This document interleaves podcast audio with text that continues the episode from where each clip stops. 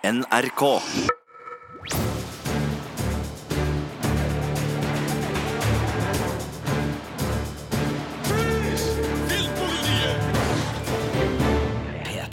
Velkommen til en grøsselig podkast fra oss i Filmpolitiet fordi det nærmer seg jo halloween, og det er jo en tid på året som er prega av hva da, Sigurd Vik og Marte Hedenstad?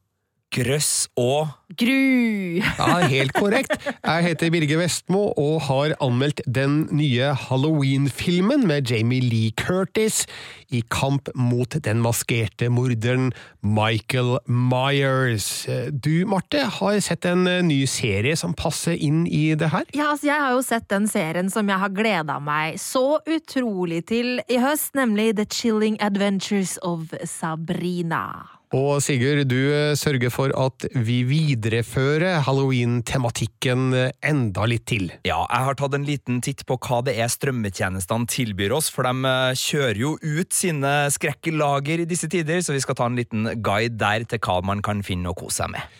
Men aller først i denne podkasten fra oss i Filmpolitiet skal det handle om premierefilmen Halloween. Everyone in my family like turns into a nutcase this time of year. Yeah, I mean, your grandmother is Laurie Strode. She was almost murdered. Wasn't it her brother who murdered all those babysitters? No, it was not her brother. That's something that people made up. Do you know that I pray every night that he would escape?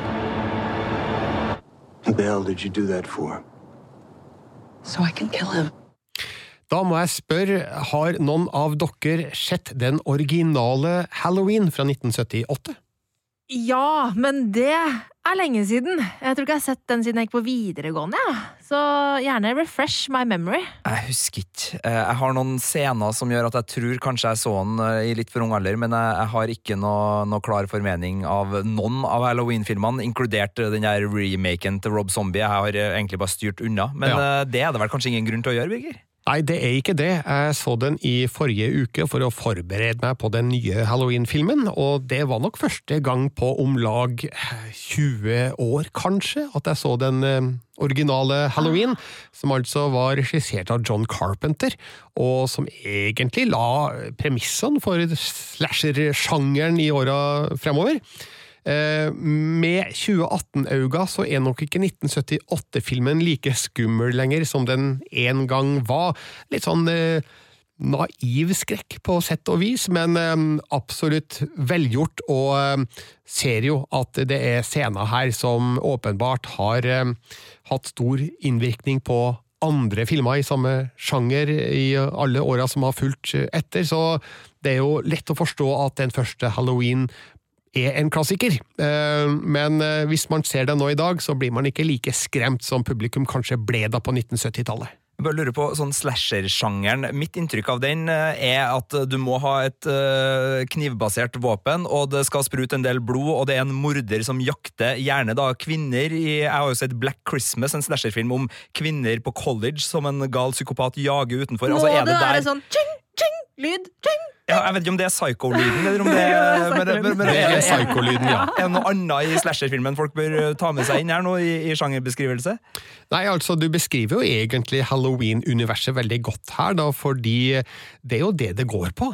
Eh, I den første filmen ser vi hvordan den unge barnevakten eh, Laurie Strode, spilt av Jamie Lee Curtis, eh, faktisk da, spoiler alert, overlever møtet med den maskerte Michael Myers, mens flere av hennes venner dør.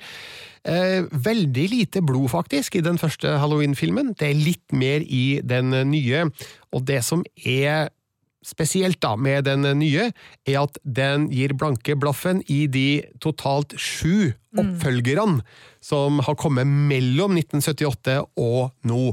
Og det fører jo da til at uh, Laurie Strode fremdeles lever, fordi hun døde i den forrige Halloween-filmen hun var med i. det? Det, det, fører òg til at hun har en voksen datter som hun ikke hadde i de tidligere filmene. Der hadde hun to andre barn, som vi ikke hører noe om Jeg lenger. elsker at de bare sånn med et pennestrøk bare Ja, de filmene ikke så bra, nei. Stryker over de. Ja, Vi det, lager det, vår er egen det, de, fortelling. det er det de har gjort. De Ja. har gått tilbake til originalen. Eh, De låner vel også litt fra Halloween 2, som jeg ikke har sett. Jeg vet ikke om jeg noen gang har sett den, faktisk, men der spiller jo Jamie Lee Curtis også. Eh, så det er mulig at det er de to første filmene som er grunnlaget her, da. Som den nye Halloween-filmen eh, viderefører. Og her ser vi da hvordan Laurie Strode eh, egentlig har gjort nøyaktig det samme som Sarah Connor i Terminator 2. Hun har brukt hele livet på å forberede seg på noe som er forutbestemt. Eh, I eh, Laurie Strodes tilfelle så forbereder hun seg på at Michael Myers eh, skal komme tilbake, for det vet hun bare at han en gang kommer til å gjøre. Og så gjør han jo selvfølgelig det, og eh, ser vi da hvordan eh, myndigheter lenge tviler på at eh, Michael Myers er løs, og de nekter å innse fakta, som Laurie Strode selvfølgelig da vet. Han er på vei tilbake til Haddonfield, Illinois, for å spre død og ødeleggelse, fordi det er det eneste Michael Myers gjør. En veldig enkel figur som er like renskåren som han var i 1978-filmen. Han er bare psycho og vil bare drepe. Det er så enkelt som det kan bli. En fallitterklæring for dem som håper at eh, fengsel skal ha en helbredende effekt på sine innsatte, rett og slett?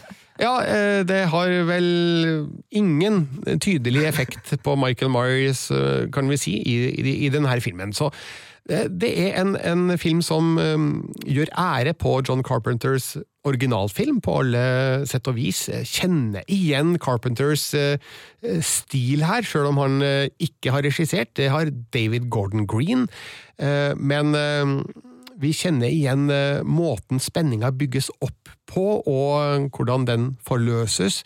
Vi kjenner igjen mye av dialogen og figurbeskrivelsene og miljøskildringa. og i det hele tatt, eh, John Carpenters ånd ligger tjukt over den nye Halloween.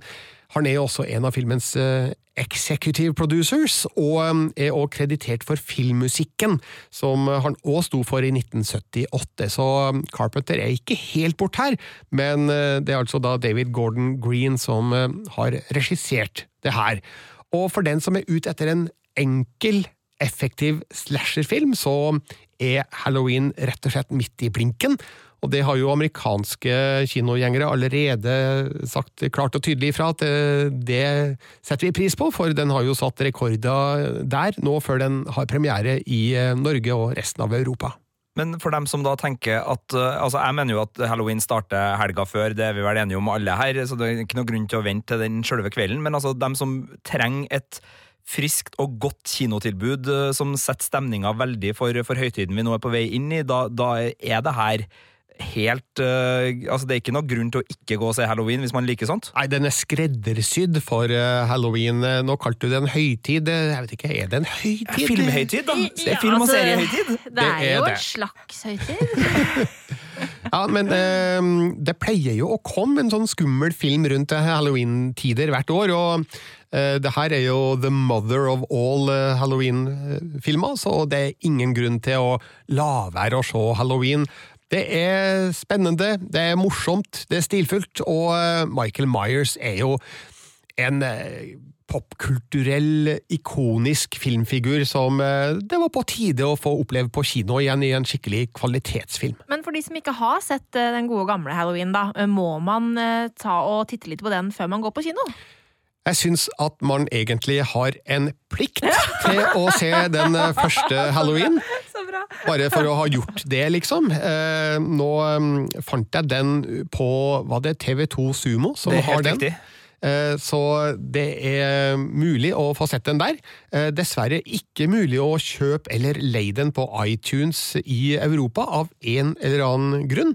Eh, den har i tillegg kommet ut i en ny 4K-utgave på Blu-ray nå, hvis man har maskineri til det, så det er absolutt anbefalt. Men hvis du skal se den her og nå, så må du vel abonnere på TV2 Sumo da, for å se den originale Halloween, og de har også flere av oppfølgerne inne der kan jo eventuelt sjekke ut om uh, foreldrene dine har en VHS-samling uh, stående i kjelleren, og se om den uh, ligger der. For jeg vil vel tro at VHS-salget på, på, Halloween, originalfilmen, var rimelig godt Europa over, også i Norge? Det, fantes ikke VHS-salg da den første Halloween-filmen kom, men Den kom på 80-tallet, den? Det er godt jeg, altså. mulig at den Ja. gjorde det. Foreldra Foreldrene mine har ikke noe VHS i kjelleren, det er det jeg som har. Du har det. Eh, Jeg har blant annet en VHS av en film vi skal snakke om litt uh, seinere, for eh, vi, eh, vi skal gi noen gode Halloween-filmtips etter hvert. Men eh, først skal vi over fra Halloween på kino til en eh, serie du har sett på TV, Marte. Yes, The Chilling Adventures of Sabrina. I'm not an evil person. But these are desperate times.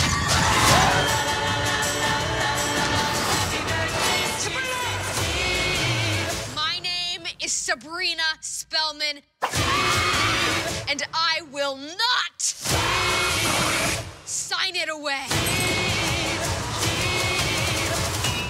Would you like to do the honors? With pleasure. Rise. Rise.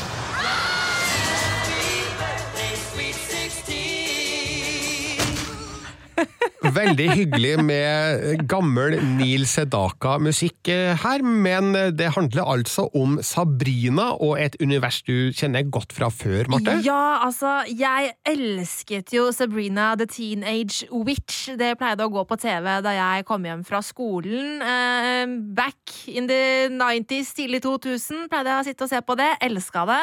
Ganske sånn fjollete og rart, og med sånn deilig eventyr. En, eh, en rett og slett. Halvt menneske, halvt heks. Bor hos sine to heksetanter og går på high school. Men nå er det altså The Chilling Adventures of Sabrina, Ja. og forbindelsen til den gamle serien er hva da? Det er at uh, det ble uh, laget en tegneserie uh, som tok utgangspunkt i denne, denne TV-serien, bare at den ble satt i et veldig mye mørkere univers. Og ja, gjort ganske mye dystrere og mer makaber.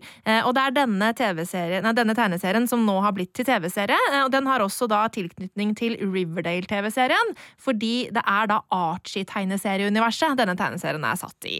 Um, og vi møter jo da Sabrina bare noen dager før bursdagen hennes, uh, som selvfølgelig er halloween. hun har jo selvfølgelig bursdag da, uh, og hvor hun da må bestemme seg uh, for om hun vil signere navnet sitt i The Book of the Beast.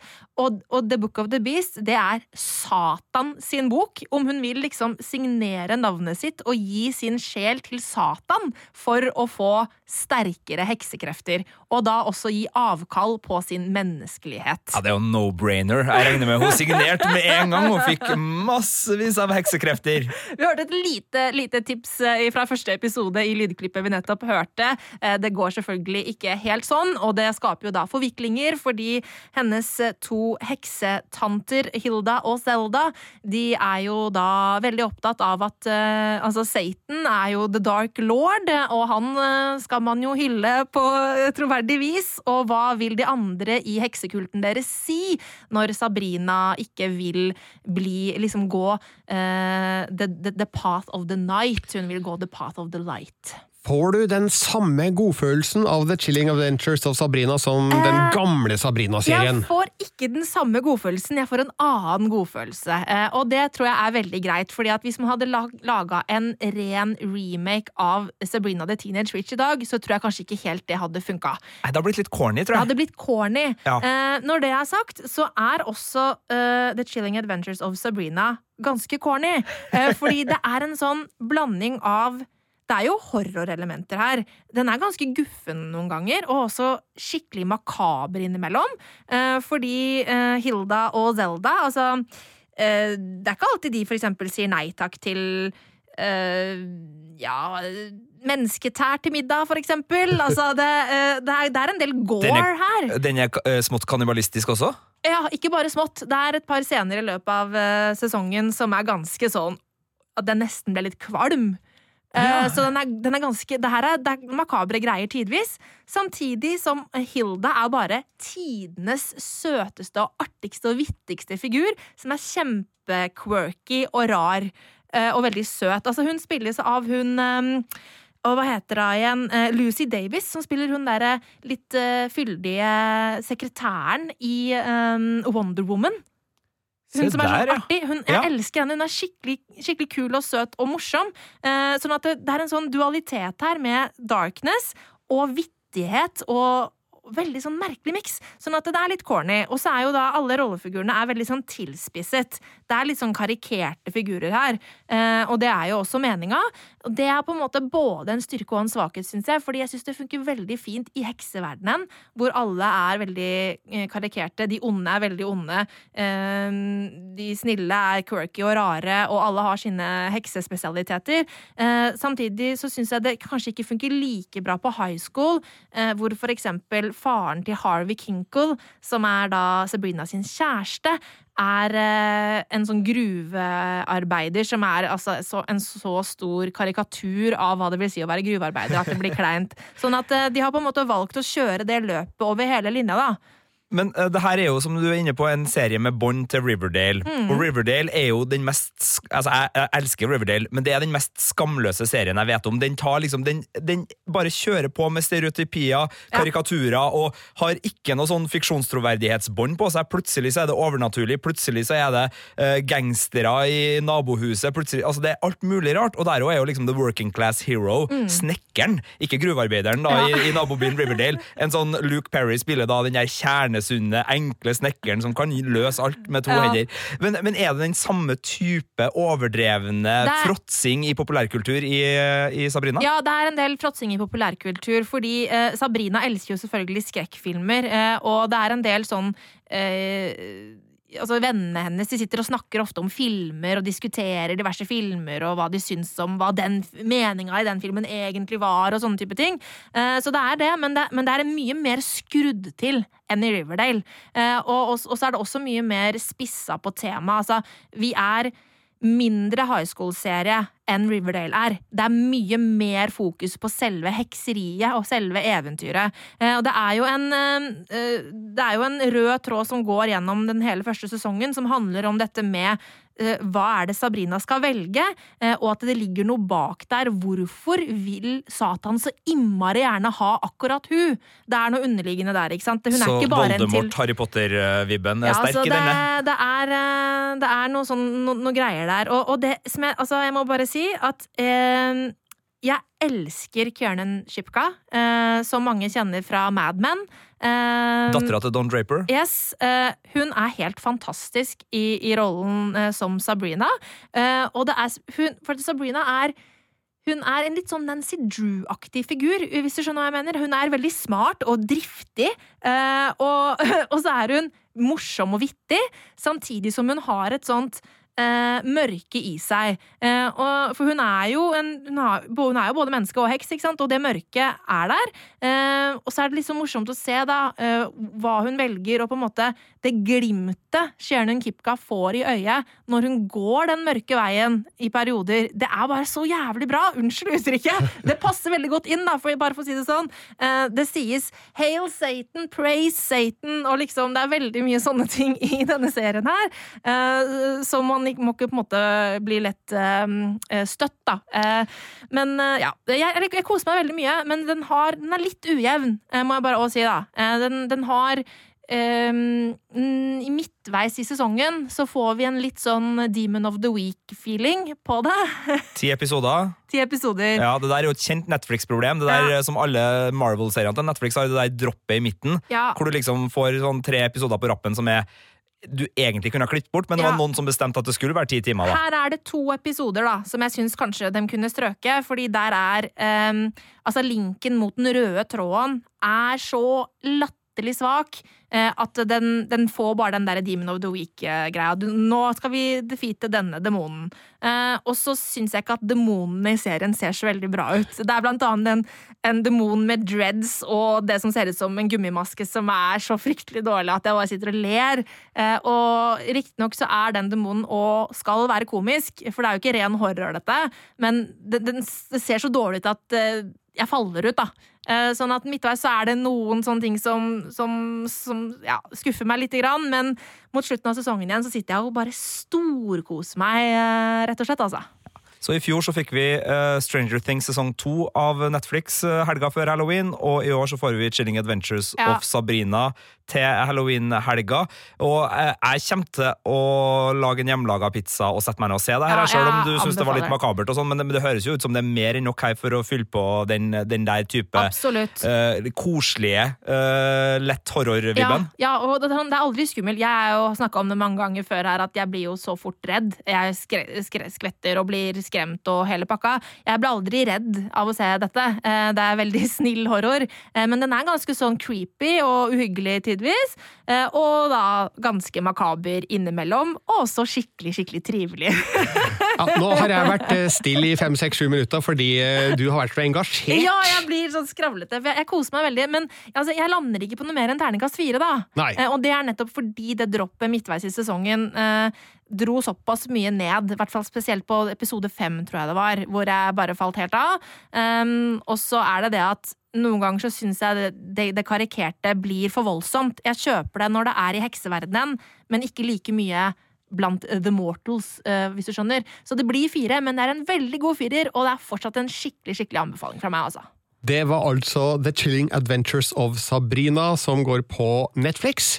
Eh, Jeg glemte å si i sted at Halloween får også terningkast fire, som er en hederlig karakter. Hederlig karakter. Men vi er ikke helt ferdig med Halloween enda her i Filmpolitiets podkast. Bare si at vi skal komme tilbake til ukas eh, andre kino- og seriepremierer, nemlig Mordene i Kongo, Cold War og Bodyguard.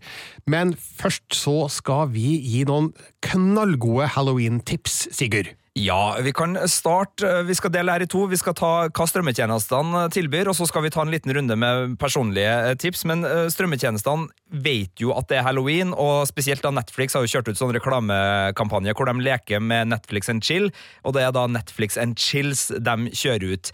Eh, Der er det mye rart. Det kuleste som ligger der, det er en serie som eh, kom ganske nylig, som er The Haunting of Hill House, som er rett og slett eh, mange hakk skumlere enn eh, The Chilling Adventures of Sabrina, og et alternativ da til dem som ønsker litt sånn ordentlige jump scares og spøkelsesmoro. Altså jeg husker Da jeg gikk på ungdomsskolen, så kom eh, filmen House on Haunted Hill, eh, som skremte livskiten ut av meg. Eh, og dette her er vel samme historien, er det ikke det? Ja, Det er i hvert fall en klassisk greie med en familie som flytter inn i et gammelt hus, og så viser det seg at det er noen som bor der allerede. Ja. Ja, Og så er det et red room inni der. Eh, og så er det sånn at det er ikke alle søsknene, de er vel fire eller fem søsken, det er ikke alle som ser eh, like mye av det overnaturlige, men noen av dem ser veldig mye, og så skjer det en tragedie. Og så lever vi både på 90-tallet og i eh, nåtiden, og så gjentar tragedien seg, og så er det da en oppnøsning i det her. Jeg har ikke sett det ferdig, jeg har ikke kommet dit ennå, litt fordi at jeg har ikke hjerte til å sitte og se det her. Altså Jeg tør ikke se den, for jeg aner meg at den er skikkelig skummel. jeg trodde, altså Ut fra traileren så trodde jeg den kom til å være så dritskummel, men når jeg har sett noen episoder nå, så er det fordi det er en TV-serie og ikke en film, så pøses det ikke på med jumpscares hele tida. Den tar seg, altså Det går 20 minutter der der det er et vanlig familiedrama. Eh, litt sånn eh, nesten sånn Six Feet Under-aktig, mest for at det også Ah. foregår på en begravelsesbyrå, men altså det er storfamiliedrama. Og apropos det, eh, gjett hva tantene til Sabrina jobber med. Begravelsesbyrå. Ja. Nemlig. Men uh, absolutt, hvis du liker det litt mer eh, sånn ordentlig skummelt, så er The Haunting of Hill House en eh, serie vi anbefaler. Eh, vi anbefaler også eh, følgende filmer som eh, ligger på Netflix. Eh, Klovneskrekken It fra i fjor. Uh, Fright Night fra 1986, som eh, du, Birger, syns er Den er helt fantastisk, og den er fra 1985. Året jeg ble født. Ja, Se der. Ja. Uh, vi kan vel også slenge på at du liker The Thing, som er fra 1982. Det er helt korrekt, regissert av John Carpenter, som altså da er mannen bak den første Halloween vi allerede har snakka om. Ja, og så slenger jeg inn både Eksorsisten og The Shining, eller Ondskapens hotell, da, hvis man ønsker at det skal være enda mer eh, sånn uh, Hasley-skummelt. Så Netflix har et stort tilbud. Kan også slenge inn Cabin in the Woods, som er en litt mer morsom uh, skrekkfilm. De, de har masse der. Bare gå på sjanger, velg skrekkfilm, så får du ei lang, lang rekke der. Uh, på Amazon Prime så finner du Adams Family-komediene og Skrik 1-3 og I Know What You Did Last Summer. Så hvis du er fan av 90-tallet, så er Amazon Prime strømmetjenesten du definitivt skal gå for å finne filmene dine. På Sumo finner du den originale Halloween-filmen fra 1978, som Birger tidligere sa nå. Det er vel Altså, ellers har ikke de gjort noe stort nummer ut av at det er halloween, men de har jo da sjølveste klassikeren. Ja, og noen av oppfølgerne også. Det har de der òg. HBO er jo da eh, kvalitetsfilmens hjemland også. De har ikke så mye, men de har Sleepy Hollow fra Tim Burton med Johnny Depp i hovedrollen. Absolutt verdt å se. Og så har de den fantastiske vampyrfilmen La den rette komme inn, som er en svensk liten uh, høydare av uh, dimensjoner, så den er absolutt verdt å sjekke ut der. Og så er det da Viaplay som også kjører stort på halloween-pakka, blant annet da med den Oscar-nominerte Get Out, som var en skikkelig knallfilm fra i fjor. Uh, og jeg tror det er film nummer åtte i Saw-serien, nemlig Jigsaw. de har for øvrig også både Buffy og X-Files, alle sesongene liggende på Viaplay, så hvis du vil inn i et lite seriemaraton ja, Se der, Ja, ja, selvfølgelig! Ja, for det, det kom jo da De la jo ut X-Files da de kom med den nye sesongen, ja. Ja, så der eh, finner man litt det. Så det var en sånn kjapp guide til hva som ligger der ute av eh, moro på strømmetjenestene, men vi må jo gi noen ordentlige sånn subjektive tips eh, også. Birger, du har vel noen på, på lager? Ja, altså nå kunne jeg eh, veldig gjerne ha nevnt The Thing, eh, men det har du allerede gjort. Men siden vi er så godt inn i John Carpenters univers her, så har jeg tenkt å foreslå en litt mindre kjent film fra han. Nemlig Christine fra 1983. Den finner du på TV2 Sumo og iTunes og Google Play. Google Play, og den er også utgitt på en eh, ny eh, Blu-ray hvis du foretrekker det. Men det her er altså da en veldig stilig skrekkdramafilm, hvis vi kan kalle det det, om en eh, tenåring, Arnie Cunningham, og hans noe spesielle bil, en Plymouth Fury som er av 1963-modell, om jeg ikke husker helt feil viser seg at denne bilen har eh, sjel, bokstavelig talt, og når Arnie Cunningham blir eh, mobba og trua på forskjellig vis, så tar bilen affære, kan vi si. Eh, så det her er en morsom, stilig, spennende thriller med noen skrekkelementer, og om det er en reinspikka Halloween-film kan vel diskuteres, men jeg syns at den har såpass klare kvaliteter at den fortjener å bli sett. Så eh, den fins altså på en del strømmetjenester hvis du er interessert i å se Christine. Anbefaler den eh, varmt, og den har jeg på VHS. Jeg har den på laserdisk, jeg har den på DVD, og nå har jeg den også på Blu-ray i 4K-versjon.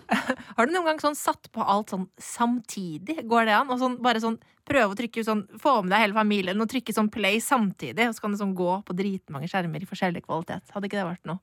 For en fantastisk idé, Marte! Vet du hva? Det her må jo bare gjøres. Det må gjennomføres. Ja. Tusen takk for den. Har, har du et godt tips til en halloween-film? Altså, jeg har ikke et, et direkte tips, men jeg har et tips til meg sjæl, på en måte. Eh, Fordi eh, jeg har opp gjennom åra når det er halloween, så er det sånn sjekka sånn, de beste halloween-filmene gjennom tidene og sånn. Og på amerikanske topplister så er det én film som alltid dukker opp. Uh, gjerne på førsteplassen igjen og igjen. Det tror jeg er av nostalgiske årsaker, uh, snarere enn uh, om det er kvalitet. Men det er nemlig Hocus Pocus. Har dere hørt om den? Har hørt tittelen, Ja, aldri sett Det er, filmen. det er jo ikke en skrekkfilm, for så vidt, men det er en hekse Det er en film om tre hekser som, som spiser barn. Eh, Da ble det plutselig litt mørkere. Men, ja, okay. det var, det er sånn Roald Dahl-mørkt, det. liker jeg. ja, altså det er, jo, det er jo en familiefilm eh, som handler om en tenåring eh, som ved et uhell eh, tilbakekaller tre hekser fra eh, Salem-tida. Eh, som da eh, kommer til vår tid og begynner å herje rundt, da. Eh, og den, og den, eh, den, den Det er jo Bette Midler og Sarah Jessica Parker og sånn. Eh, og den har jeg aldri sett. Eh, jeg har bare liksom eh, den har dukket opp så mange ganger i feeden min, og liksom Det er en sånn film som eh, visstnok eh, millioner av amerikanere ser hvert eneste år i USA, fordi den går alltid på TV. Det Og er den sånn, er barnevennlig. Og eh, visstnok relativt barnevennlig, for det er en familiefilm, så vidt jeg har forstått. Så jeg, jeg, jeg har litt lyst til å prøve å få til å se den i år. Og den ligger i Netflix, så det tror jeg skal rett og slett bare få til. Et par fun facts eh, her. Eh, Rotten Tomatoes eh, rater Hocus Pocus på 32% Og så er den regissert av Kenny Ortega, som er mest kjent som dansekoreografen fra Dirty Dancing. Oi, Wow. interessant. Men, men, altså, men altså, hva hadde Tre nøtter til Askepott på en måte fått eh, hvis den hadde blitt anmeldt eh, på, på rating? Cirka 32 Tre nøtter til Askepott. Ja, ikke sant? Fordi ikke sant? den har noen den samme kvaliteten. Det er en film som, i hvert fall i USA, da, som de ser hvert år. Eh, av sikkert nostalgiske årsaker. Eh, men jeg har òg lyst til å prøve å se den, for å se hva Hocus Pocus eh, kan by på. Hva med deg, Sigurd Vik? Hvilken Halloween-film er det du har lyst til å trekke frem her i dag? Jeg skal være kontroversiell. Gå ut av uh, filmens verden og inn i seriens verden, som jeg så ofte gjør. Uh, for jeg oppdaga jo, uh, når jeg satt og flikka gjennom det her, en sak som jeg bare måtte ja, kose meg med. jeg er jo ikke så glad i å bli livredd, eller sånn skikkelig skremt, men jeg syns humor og horror i skjønn forening er noe av det vakreste som fins. Og der var X-Files bestandig god. De hadde en sånn episode eller to hver sesong som var litt sånn morsom, skummel. Mm. Og når de gjorde comeback i forrige fjor, helt på tampen der, i 2016, så kom de med en sånn episode som heter Mulder and Scully Meet the Were Monster. Som da er med folk fra Flight of the Concords og, og Silicon Valley på, på gjesterollelista, og er en sånn artig monsterepisode hvor du går ut av den der dystre X-Files, den der alvorlige X-Files-vibben, hvis man kan kalle X-Files alvorlig, uh, og inn da i en mer leken sfære. Og jeg vil bare anbefale den. Det er sesong 10, episode 3. Ligg på Viaplay, alt det her. Eller eventuelt, og den kan du har, se for deg selv, liksom? Den, eller, den altså, står helt for ja. seg sjøl. Du trenger ikke å se noe annet. Det er en time rein X-Files-kos med da masse humør og, og litt sånn monstergreier som gjør at det funker. Og så er det jo sånn at X-Files har mange sånne episoder også, så hvis du googler liksom Best Funniest X-Files episode, eller bare googler liksom Best X-Files episode, så kommer det opp flere sånne, og der er det blant uh, annet Luke Wilson dukker opp igjen, veldig artig. Det er ofte gjesteskuespillere i dem her, og det er jo en som heter Clyde Brookmans Final Repo, som også er kjent som en av de bedre, så, så å ta noen sånne fire-fem frittstående X-Files-episoder i løpet av helga eller på selveste halloween-kvelden, det syns jeg er noe som eh, virkelig vil eh, få eh, halloween-stemninga til å fungere godt. altså. Veldig mange gode tips her nå, altså, til deg som har lyst til å se noe skummelt på kino eller på TV-skjermen nå før halloween. nå skal vi forlate det her temaet og gå over på andre ting som ikke har med halloween å gjøre.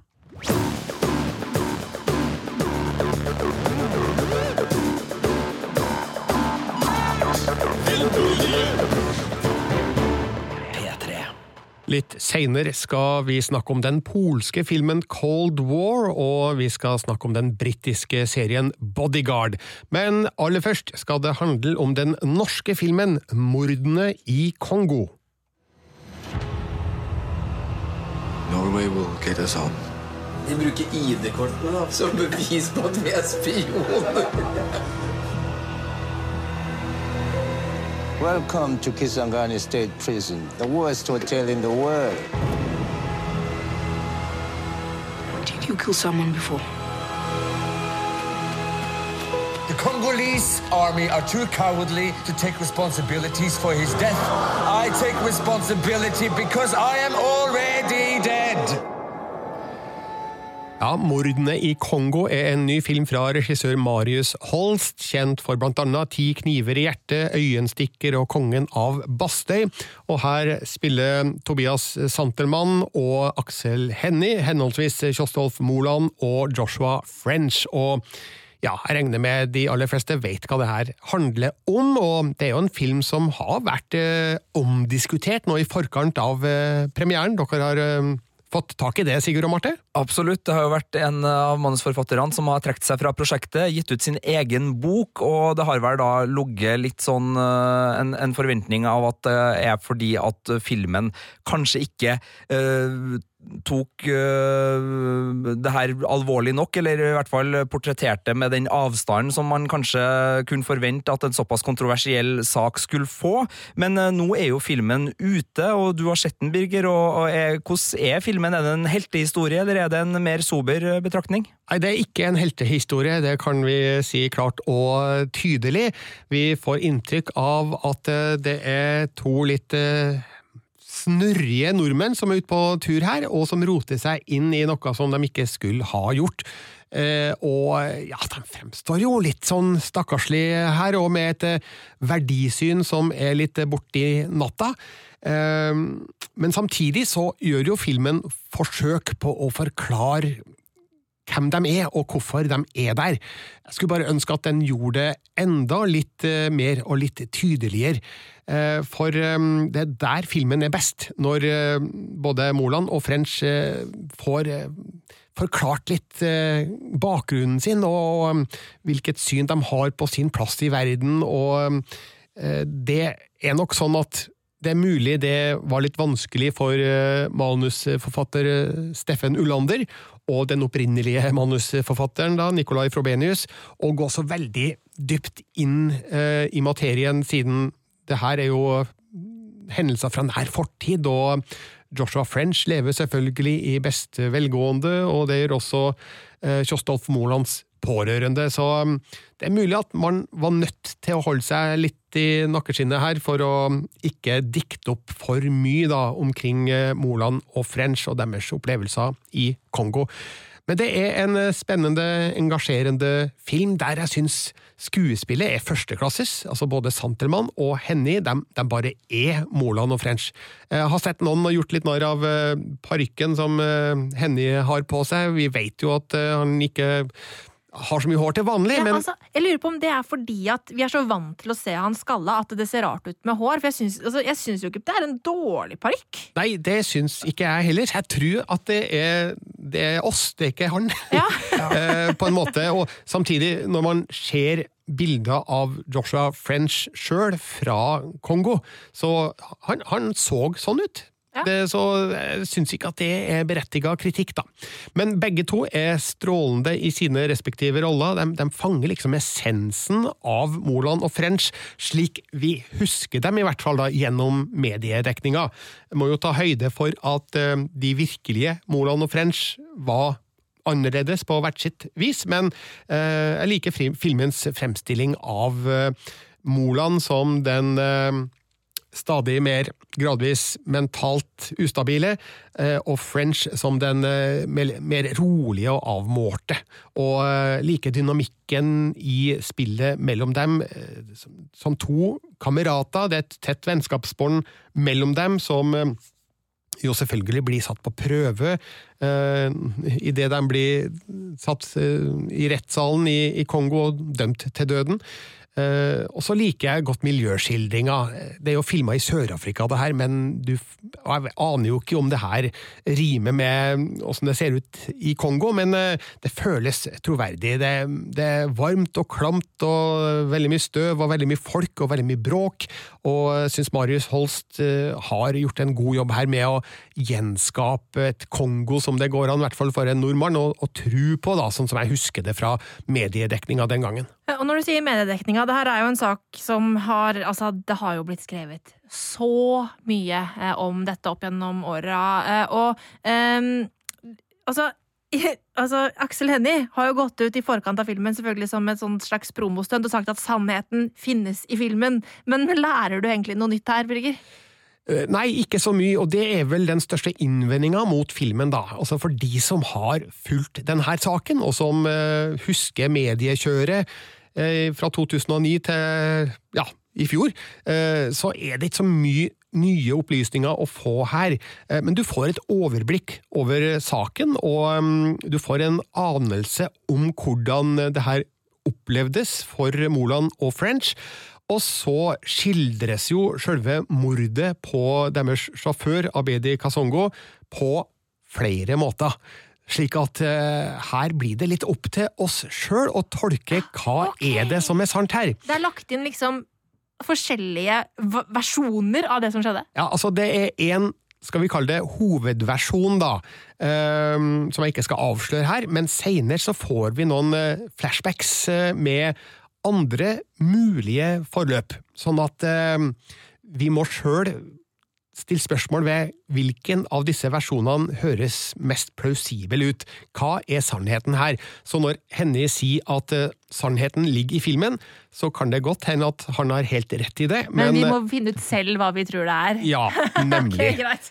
Jeg er jo veldig glad i det grepet, fordi det er et grep som både i dokumentar og i eh, det her da som blir en slags uh, basert på virkelige hendelser slash true crime, nesten i og med at den kommer så tett til og har det der båndet med de faktiske aktørene som denne her filmen har, så den er liksom ikke løsrevet som, som noe fiksjonsarbeid.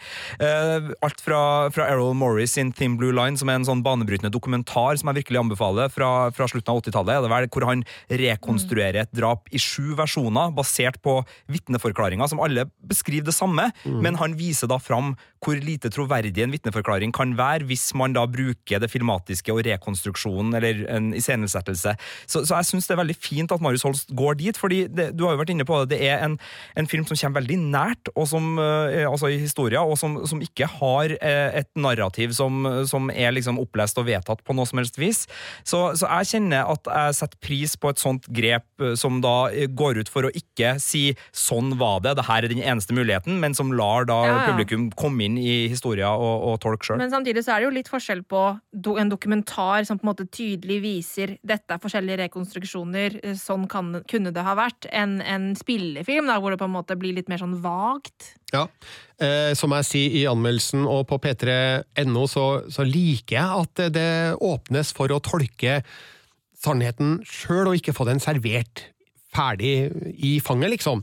Eh, og det, det må man her. Sjøl om eh, dette hovedforløpet står vel igjen som ja, kanskje det som filmskaperne mener det mest sannsynlige, men når vi senere får flashbacks som tyder på at det kan ha foregått på andre vis, så, så dukker jo spørsmålstegna opp, da.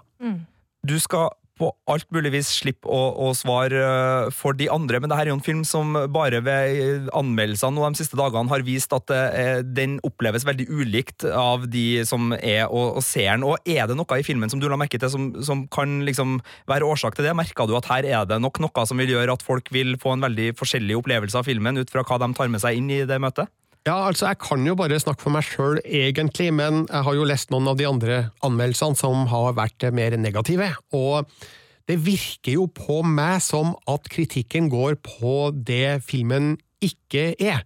Um, og det er jeg jo litt inne på sjøl i min anmeldelse, som jeg også har snakka om her nå, at uh, jeg skulle gjerne ha fått et mer innblikk i personlighetene til Moland og French, og fått mer om deres bakgrunn og, og hvorfor de er i Kongo, og hva de tror de skal gjøre der. Men eh, det er på det rene at det her er solid håndverk av Marius eh, Holst. Han kan fortelle en komplisert historie på film, og eh, det er en velstrukturert historie her som hopper frem og tilbake i tid, og som eh, serverer historien bitvis, som til sammen gir et helhetlig bilde. Så det her er en film som definitivt fortjener å bli sett på kino.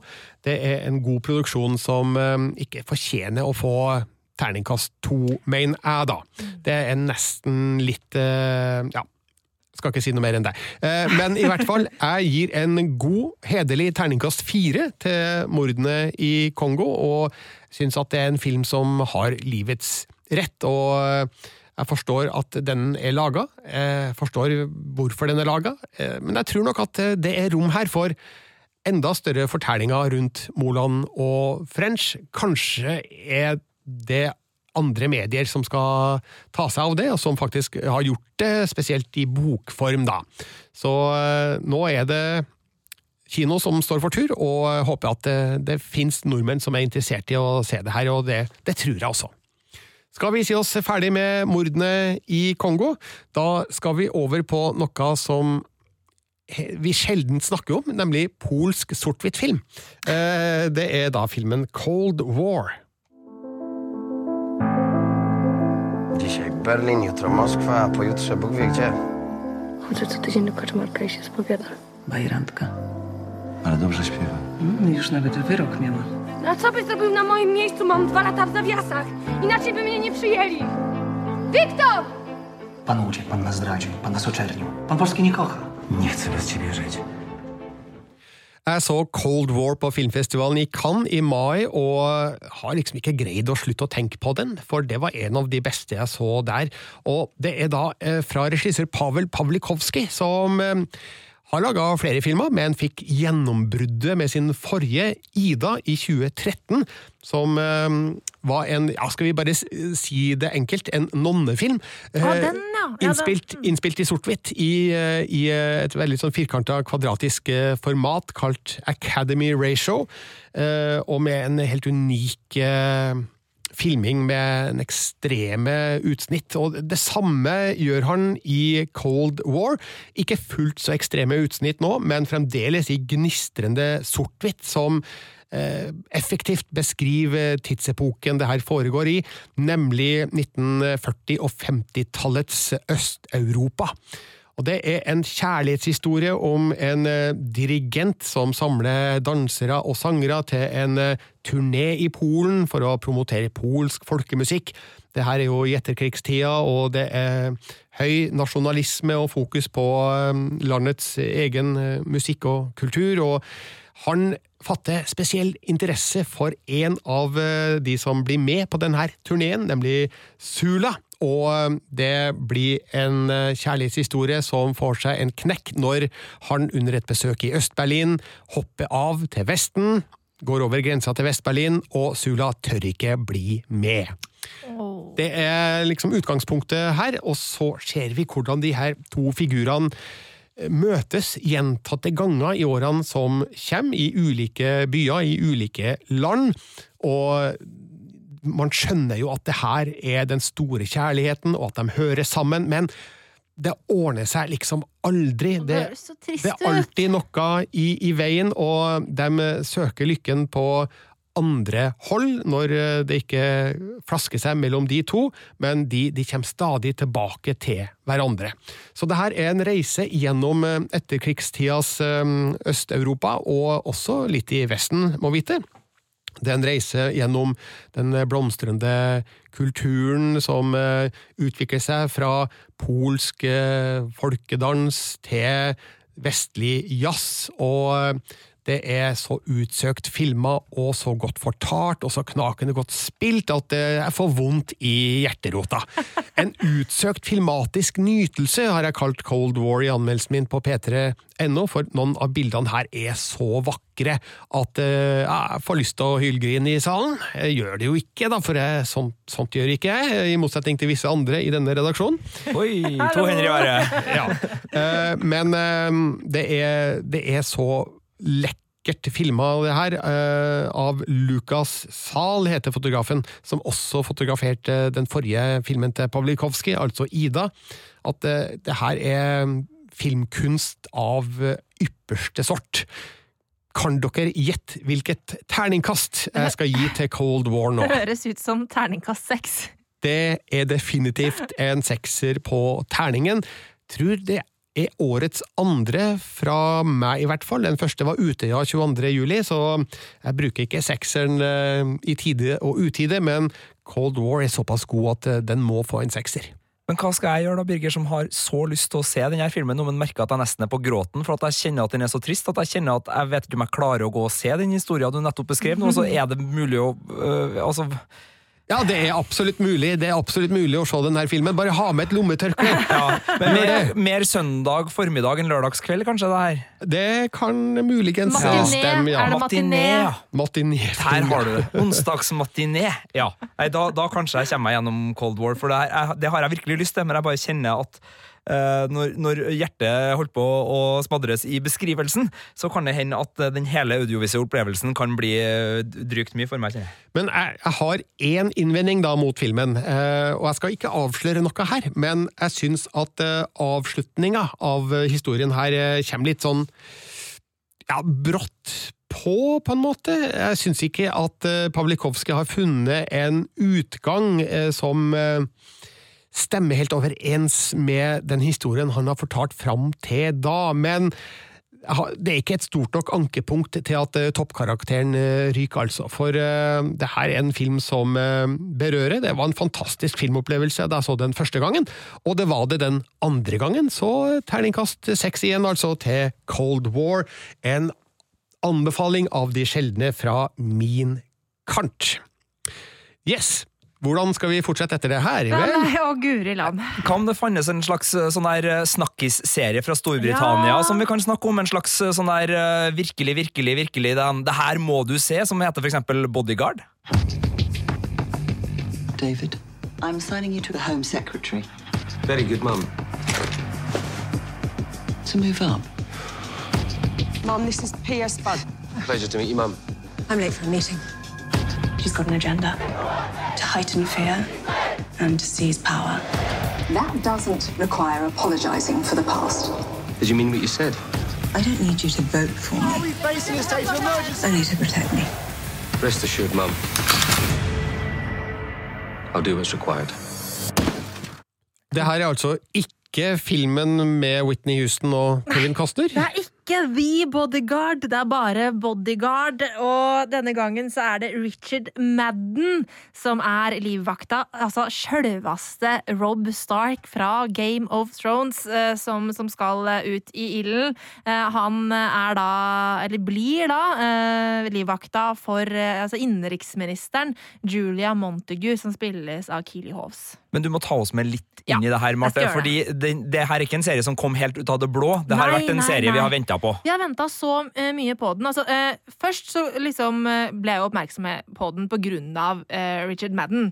Og så ble jeg jo videre oppmerksom på den på hvordan den ble tatt imot i Storbritannia. Det her er jo en BBC-serie som det virker som at hele Storbritannia har sett. Det er ingen som ikke har sett Bodyguard. Alle har sett den, og alle har elska den! er inntrykket man har fått da, gjennom, eh, gjennom media.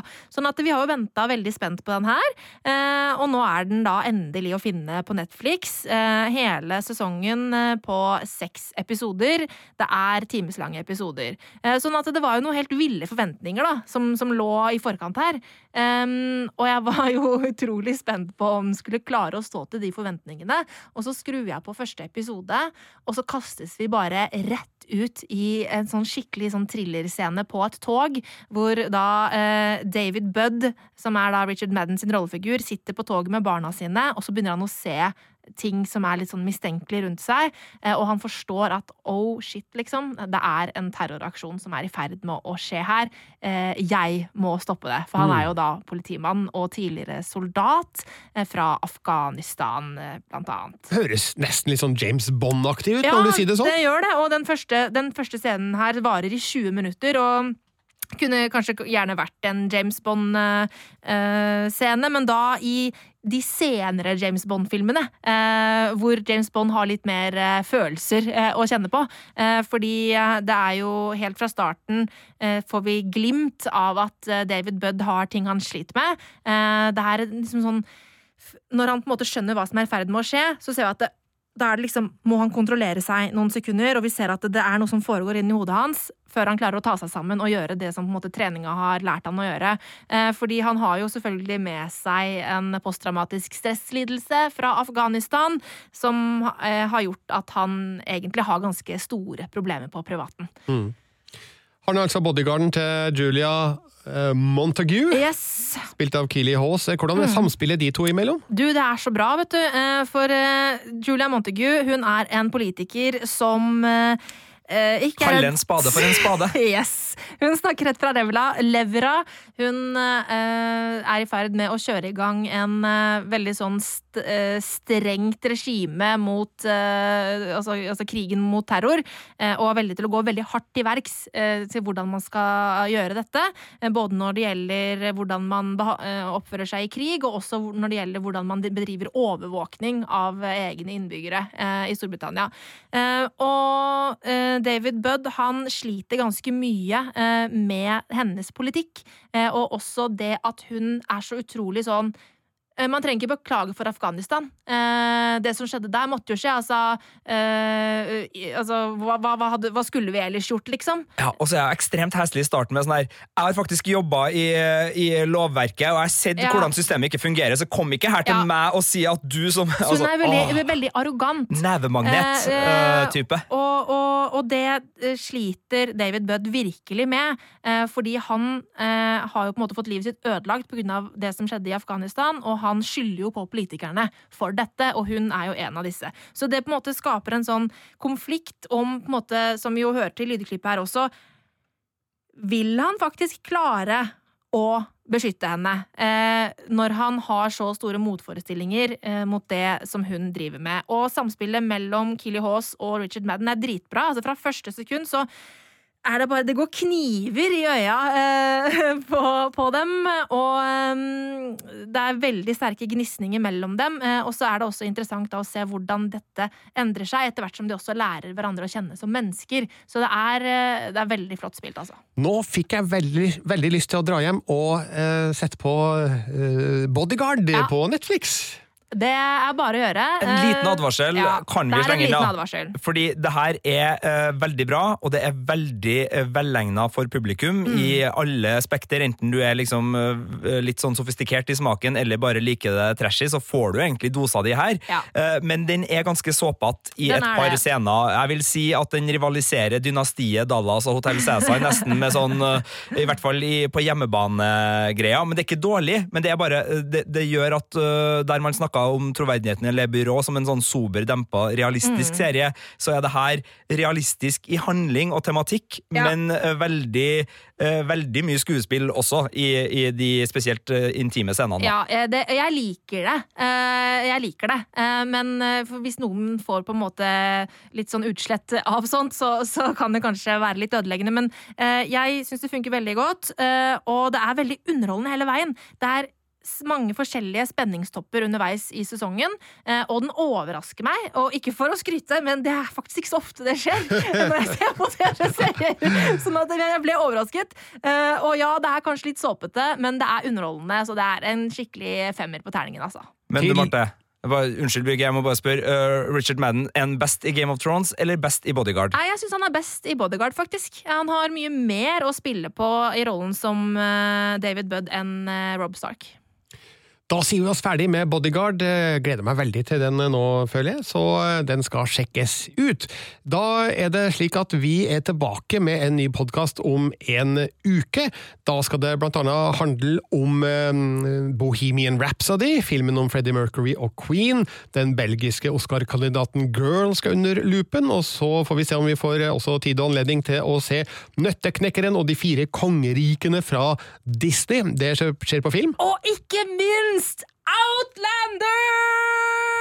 Ja, Outlander. Is on the way, people. TV-serien Outlander den kommer tilbake Ja, neste ja, uke. Ja, få det på! Få det på! All right. Vi som har vært her i dag, er Birger Vestmo. Marte Hedenstad. Sigurd Vik. Og vi vil som vanlig oppfordre alle til å legge igjen en rating og en kommentar der du har henta denne podkasten. Hvis du vil oss noe, så er det bare å ta kontakt. Send en e-post til filmpolitiet, alfakrøll.nrk.no, eller skriv en kommentar under en av postene våre på Instagram, eller send oss en Twitter-melding. Hjertelig takk for følget. Vi høres igjen.